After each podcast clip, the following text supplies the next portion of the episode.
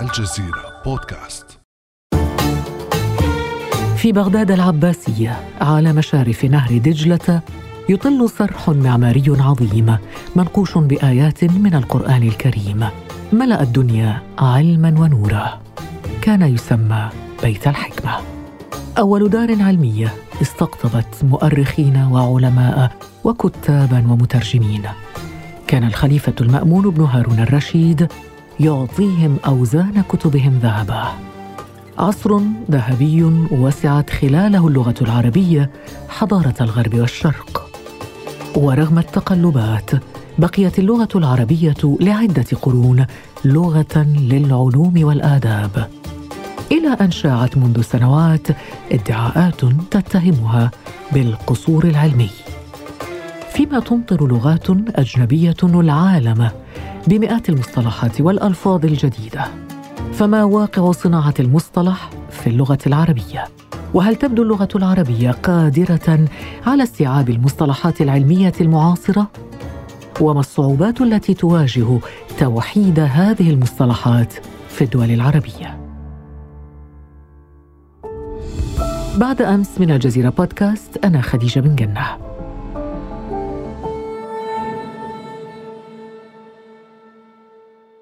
في هذه الحلقة نستضيف الدكتور عبد الحميد زاهيد الأستاذة المختصة في اللسانيات والترجمة بجامعة قطر. أهلا وسهلا بك دكتور. مرحبا أستاذة خديجة. سعداء بك دكتور عبد الحميد في هذه الحلقة المميزة عن اللغة العربية. شكرا جزيلا. دكتور لنرسم في البداية المسار الذي عاشته اللغة العربية منذ النشأة مرورا بأبرز مراحل قوة اللغة العربية وتقلباتها. حدثنا عن هذا المسار دكتور عبد الحميد. بسم الله الرحمن الرحيم والصلاة والسلام على أشرف المرسلين والحمد لله رب العالمين. بداية أشكرك أستاذة خديجة على هذا البرنامج وهذه الحلقة الممتعة حول اللغة العربية. وبداية اسمحي لي قبل أن أجيب عن هذا السؤال أقول إذا كانت اللغة العربية تسع كلام الله فكيف لا تسع كلام الإنسان؟ فالقرآن نزل باللغة العربية ونحن نعرف أن هذا الكتاب كتاب معجز بلغته وبكل ما يحمله من ظواهر إعجازية. فإذا كان الله سبحانه وتعالى قد اختار لكلامه اللغة العربية لتحمله فكيف يمكن أن نتهم اللغة العربية بأنها لا يمكنها أن تحمل فكر الإنسان؟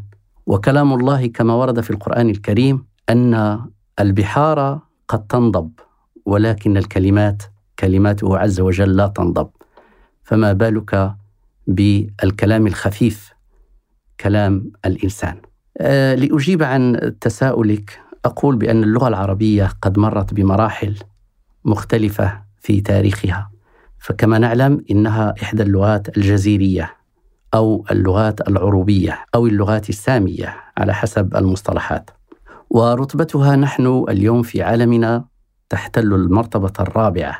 واللغة العربية بلغت أوجها في الشعر الجاهلي الذي يحمل ثقافة ويحمل لغة هذه اللغة. ولما جاء القرآن جاء ليعزز هذه المكانة. فحملها القرآن وأصبحت مرتبطة به وأصبح أصبحت اللغة العربية جزءا من كتاب الله. فصار القرآن حاميا لهذه اللغة قبل أن يكون أهلها يحمونها أيضا. وكما نعرف في تاريخ العلوم أن اللغة العربية تطورت بالقرآن الكريم. فقبل القرآن الكريم كانت علوم العرب محصورة جدا وكانت ثقافتهم محصورة جدا. ولكن مع نزول القرآن صار هذا الكتاب المحوري هو الأساس الذي نشأت حوله العلوم. فنشأت علوم لغوية تم وضع النحو وتم وضع آه، علم للشعر والنقد ووضعت علوم شرعية أخرى. إلى غير ذلك من العلوم. جميل هذا الكلام آه، دكتور عبد الحميد، لكن اليوم تبدو اللغة العربية وكأنها تعاني من إشكاليات في ظل ما تشهده الساحة العالمية من تطورات كمية على المستوى المعرفي، على المستوى المعلوماتي، على المستوى التكنولوجي، على كل المستويات، ما هي هذه الإشكاليات برأيك؟ آه، صحيح هذا الكلام صحيح بأن اللغة العربية تعيش إشكالات آه، ذات طابع معرفي ومعلوماتي وتكنولوجي بحيث أنه آه، لا نواكب العربية لا تواكب هذه التطورات اليوم التي نشهدها. وذلك راجع إلى أن أهل العربية آه، ينتجون معارفهم بلغات أجنبية. وبالتالي حركة الترجمة غير مواكبة. بشكل قوي لما ينتجه الغرب. فدائما نحن بحوالي خمسين سنة أو ربما قرن ونحن نتأخر عما أنتج مثلا عند الغرب. فما يصنع في الغرب الجوانب التكنولوجية مثلا من إنتاجات تكنولوجية ومعرفية؟ ترجمته لا يتم إلا بعد عقود من الزمن. هذا التأخر جعلنا دائما في الركب الأخير من الحضارة العالمية. إذا المشكل في الترجمة؟ نعم الترجمة هي كل شيء ونحن لم نتقدم في حضارتنا إلا بالترجمة. وكما آه، تعرفين بيت الحكمة كان رائدا في التقدم المعارف والعلوم عند العرب. فلا يمكن لهذه الأمة أن تنهض إلا بالترجمة لأنه عن طريق الترجمة تنقل المعارف وعن طريق هذه المعارف تفتح العقول ويمكن للمرء أن ينتج معرفة على معرفة. من المسؤول عن ذلك؟ هل تعتقد انه مجامع اللغة العربية يعني مجامع عقيمة لا تقوم بدورها مثلا؟ والله ال ال الأمر آه، متعدد المناحي، المجامع تقوم بدورها والمثقفون يقومون بدورهم ولكن هذا الشتات كله شتات آه، لا يمكن جمعه في مكان واحد حتى يستثمر. فلكل واحد زاويته ومكانه الذي يشتغل فيه غياب التنسيق بين هذه المجامع غياب التنسيق بين هذه المؤسسات. وربما اسمحي لي أن أقول آه، نحن بحاجة إلى قرارات سياسية حازمة لإيلاء هذه الأمور مكانة خاصة حتى نستطيع أن ننهض من جديد قياسا على ما كان في حضارتنا.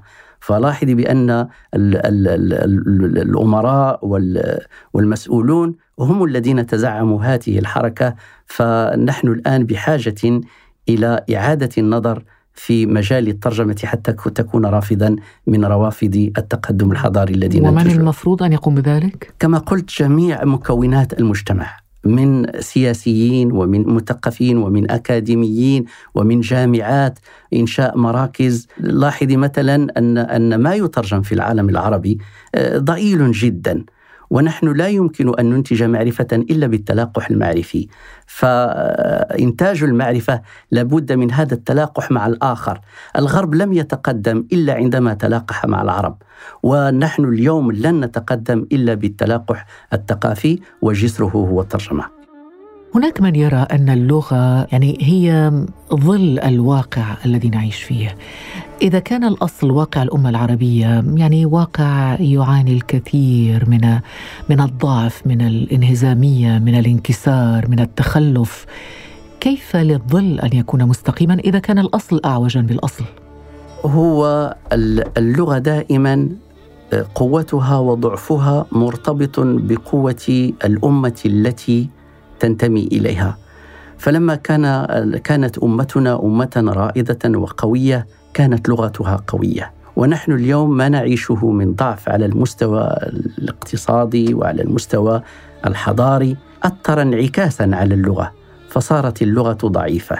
اذا هو كل متكامل لا يمكن التجزيء فيه ولا يمكن أن نفصل اللغة عن المجتمعات ولا يمكن لكي لأي تقدم حضاري إلا عن طريق الهوية وعن طريق اللغة. لاحظي مثلا ما ينتج في الصين وما ينتج في اليابان وما ينتج في أمريكا كل هذه الحضارات وهذه الأمم معتزة بلغتها ومعتزة بحضارتها وتنتج المعرفة بلغاتها. إذا لا أرى تقدما بدون أن تعود هذه الأمة إلى هويتها وأن تعود هذه الأمة إلى لغتها. اللغة حافظة للهوية أو حاضنة للهوية أم العكس؟ اللغة هي الهوية. اللغة هي أنت. إن كنت لا تعرف من أنت. هويتك لغتك.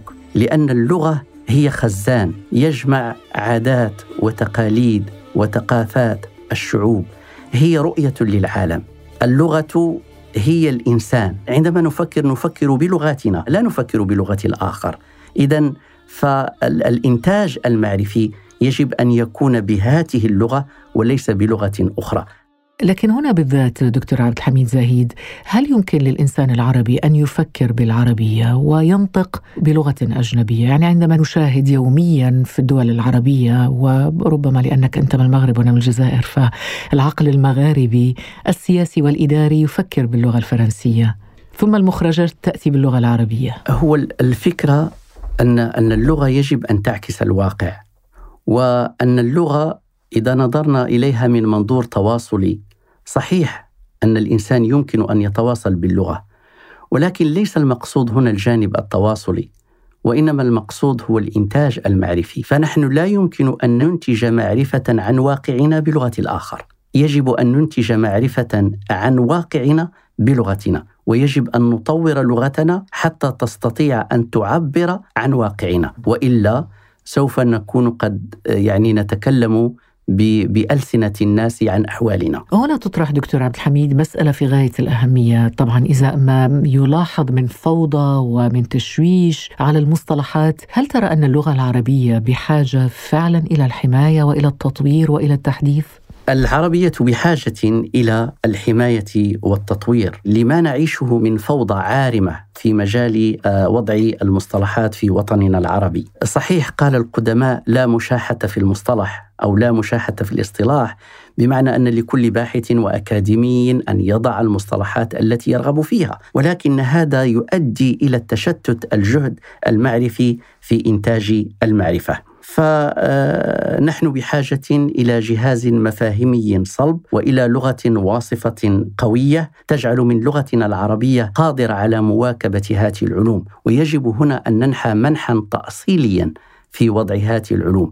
وهنا أريد أن أن أشيد بالكتب التي وضعها المفكر والفيلسوف المغربي طه عبد الرحمن في كتبه وخصوصا في كتابه فقه الترجمة الذي وضع منهجا تاصيليا دعا فيه الباحثين ودعا فيه الأكاديميين إلى أن ينحوا منحا تأصيليا في وضع المصطلحات لأنه لا فائدة من من ترجمة مصطلح ومن وضع مصطلح يفقد للهوية. فنحن بحاجة إلى معرفة نوطنها في مجالنا العقدي وفي مجالنا التداولي وفي مجالنا اللغوي. لكن دكتور عبد الحميد اللغات الحية تؤثر وتتأثر. وإحنا بالمناسبة نسمع كثيرا مصطلح اللغة الحية. هل هناك لغة ميتة؟ أه، صحيح هناك لغات ميتة. مثلا؟ أه، لهجات كثيرة تموت مثلا ك لهجات أم لغات؟ أه، والله لا أريد أن أدخل في النقاش السوسيوليساني حول اللغة واللهجة ولكن كلها لغات تواصلية. فمن بين ال ال ال الأخبار مثلا الأخيرة التي قرأت عن عالم سوسيوليساني فرنسي آه، كالفي يقول بأنه في 2050 ستموت كثير من اللغات وستبقى يعني العربية من بين الخمسين لغة في العالم وستحتل الرقم الثالث. ما الذي آه، يحيي لغة ويميتها؟ أهلها. أهلها هم الذين يحيونها أو يميتونها. مثلا العربية حية بدون هذا الجهد الذي يبذل من أهلها كما نقول. فأنت قد أشرت إلى اللغات الفرنسية والإنجليزية لها معاجم وهذه المعاجم تحين في كل سنة وتدخل الكلمات الجديدة. نحن في العربية لا معاجم لنا تاريخية. الآن صار لنا معجم الدوحة التاريخي الذي أنجز منه شطر أكبر وهو الذي يعمل على تخزين هذه الكلمات وإحيائها وربطها بسياقات. فنحن ليس لدينا معجم نحينه كل سنة أو سنتين. انظري مثلا إلى أوكسفورد أو لاروس. في كل سنة أو سنتين هناك نسخة جديدة تدخل تلك الكلمات الجديدة حتى يستعملها الناس. الأمر بالنسبة للغة العربية بطيء جدا. يعني هناك لغات منفتحة على الألفاظ والكلمات الأجنبية وبالمناسبة حتى اللغة العربية. يعني الآن إحنا نعيش الآن أجواء كأس العرب تسمى مونديال العرب. شوف المفارقة مونديال والعرب. هو المصطلحات يجب أن, أن, أن تدخل من قناة الترجمة. والترجمة لها قوانين. متى نلجأ إلى هذه الحفاظ على على الترجمة الحرفية بالأصوات؟ اللي هي اللي تسمى transliteration نلجأ إليها في غياب المقابل العربي. أما وقد وجد المقابل العربي فبإمكاننا أن نترجمه إلى مثلا كأس العالم العرب أو شيء من هذا القبيل، فنحن نمتلك من آليات في الترجمة كالاشتقاق والنحت و إلى غير ذلك من الآليات التي تزخر بها اللغة العربية في مواكبة التطورات الحديثة.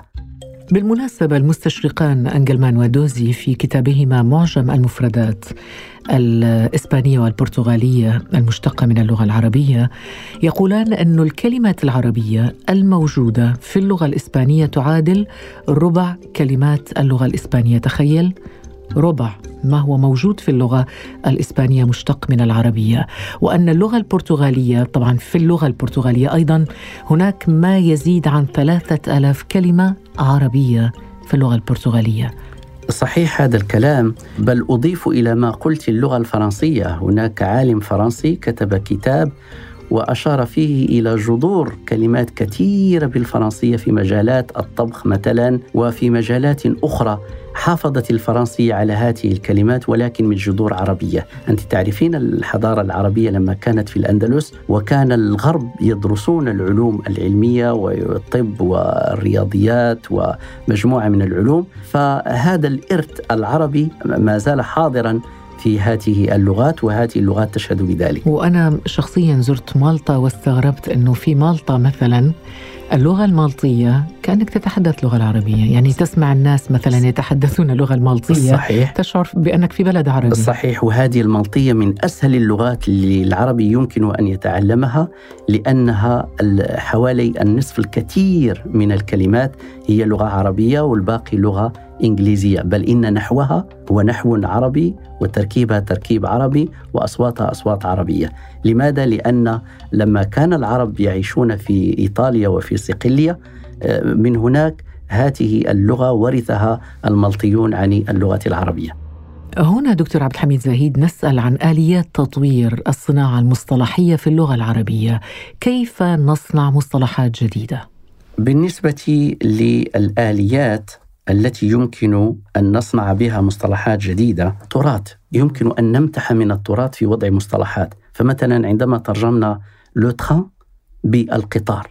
تعرفين بأن القطار معناه هي جماعة من الإبل وكل واحد منها مشدود إلى الآخر وكأنها عربات متتالية. مثلا عندنا الاشتقاق. أنت تعرفين بأن اللغة العربية من اللغات الاشتقاقية. وهذا الاشتقاق سهل اشتقاق كلمات سواء من الجذر أو من المادة الصوتية. هناك اشتقاق ما يسمى بالكبير وبالصغير. فليست اللغات كلها اشتقاقية. هناك لغات مثلا تعتمد على اللواصق وعلى اللواحق. عندنا مثلا المجاز. لاحظي بأنه لما جاء الإسلام جاء بكلمات كانت العرب تستعملها مثلا كالصيام الذي يعني الإمساك ولكن جاء بمعنى جديد. وهو المعنى الشرعي.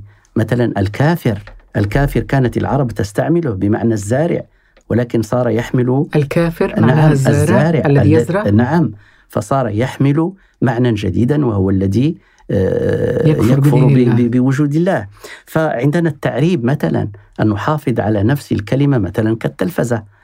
أدخلناها في صيغ عربية بحركات وبصوامت عربية. عندنا الترجمة. كسبيل من السبل لتجاوز أزمة المصطلحات مثلا كترجمة للانجويستيك باللسانيات فهناك آليات كثيرة والعربية ما هي أشهر الكلمات المترجمة نعم. إلى اللغة العربية؟ في أي مجال تقصدين؟ في مجال اللسانيات؟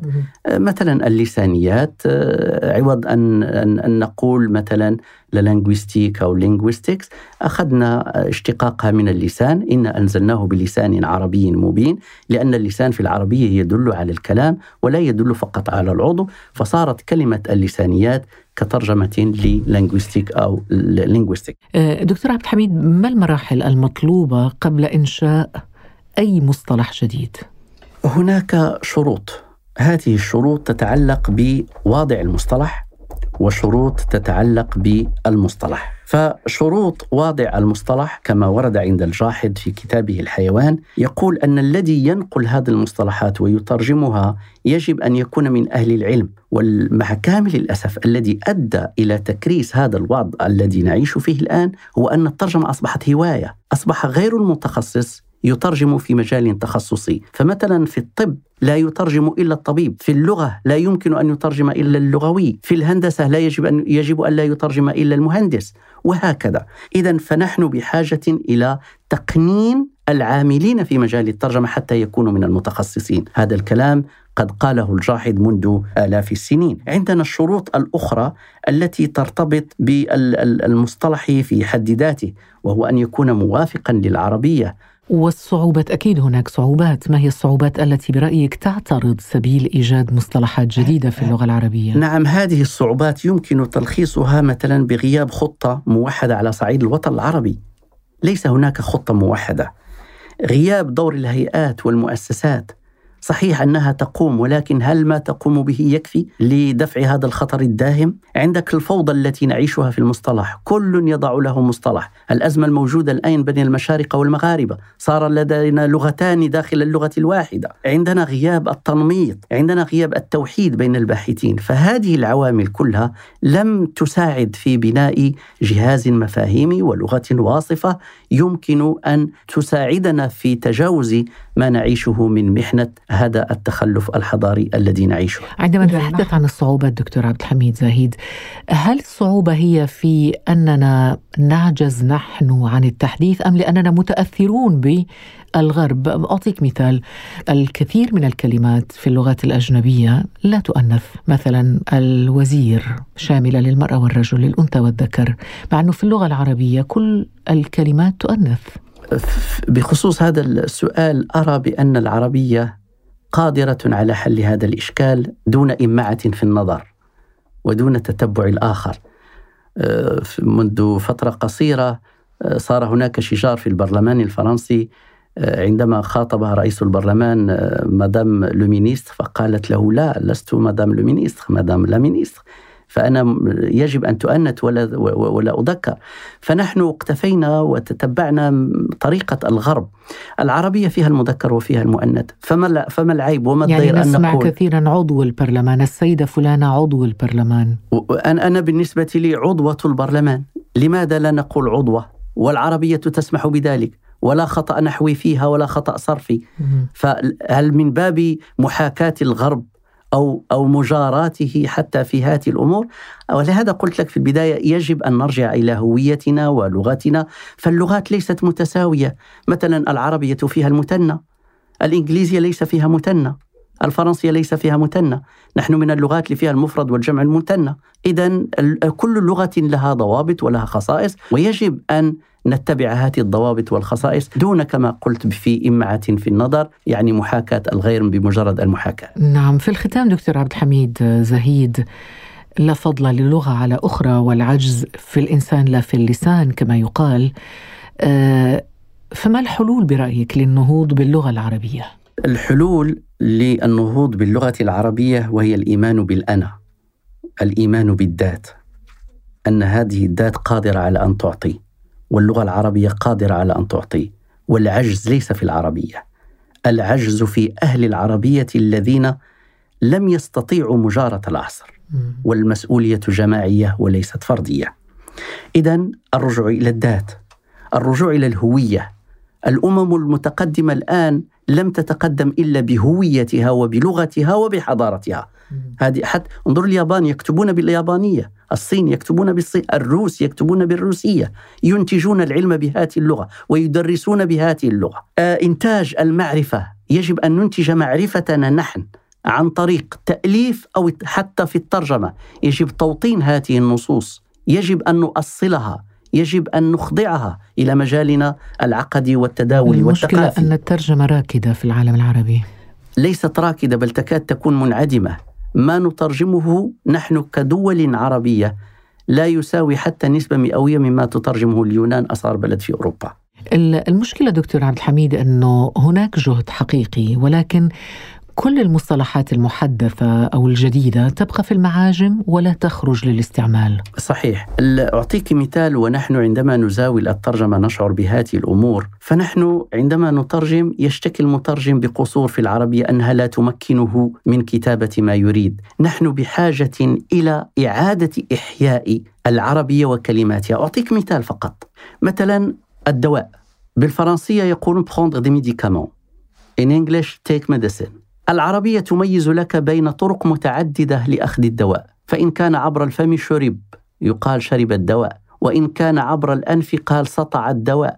العربية تعطيك خيارات. العربية غير قاصرة. بل نحن أزمتنا هي من سيأخذ هذه الكلمات ليعيد إحيائها في سواء ترجمته الأدبية سواء في كتاباته العلمية. نحن الآن الذين يترجمون تأبطوا المعاجم فصارت المعجم هو الذي يقود الترجمة في حين أن المعجم ما هو إلا وسيلة من الوسائل. نحن بحاجة إلى العودة إلى تراثنا ولغتنا ففيه كل شيء فيه كل شيء يمكننا من إعادة الإحياء من جديد والنماء من جديد. نتمنى ذلك ونتمنى أن تكون هذه الصحوة آه، الأخيرة لأنه نشاهد كما قلت الكثير من المبادرات خصوصا على منصات التواصل الاجتماعي للحفاظ على اللغة العربية. وبمناسبة اليوم العالمي للغة العربية نقول كل عام ولغتنا العربية بخير. شكرا لك أستاذة خديجة على هذه الاستضافة. شكرا جزيلا لك الدكتور عبد الحميد زاهيد أستاذ اللسانيات والترجمة بجامعة قطر. بارك الله فيك. شكرا. كان هذا بعد أمس.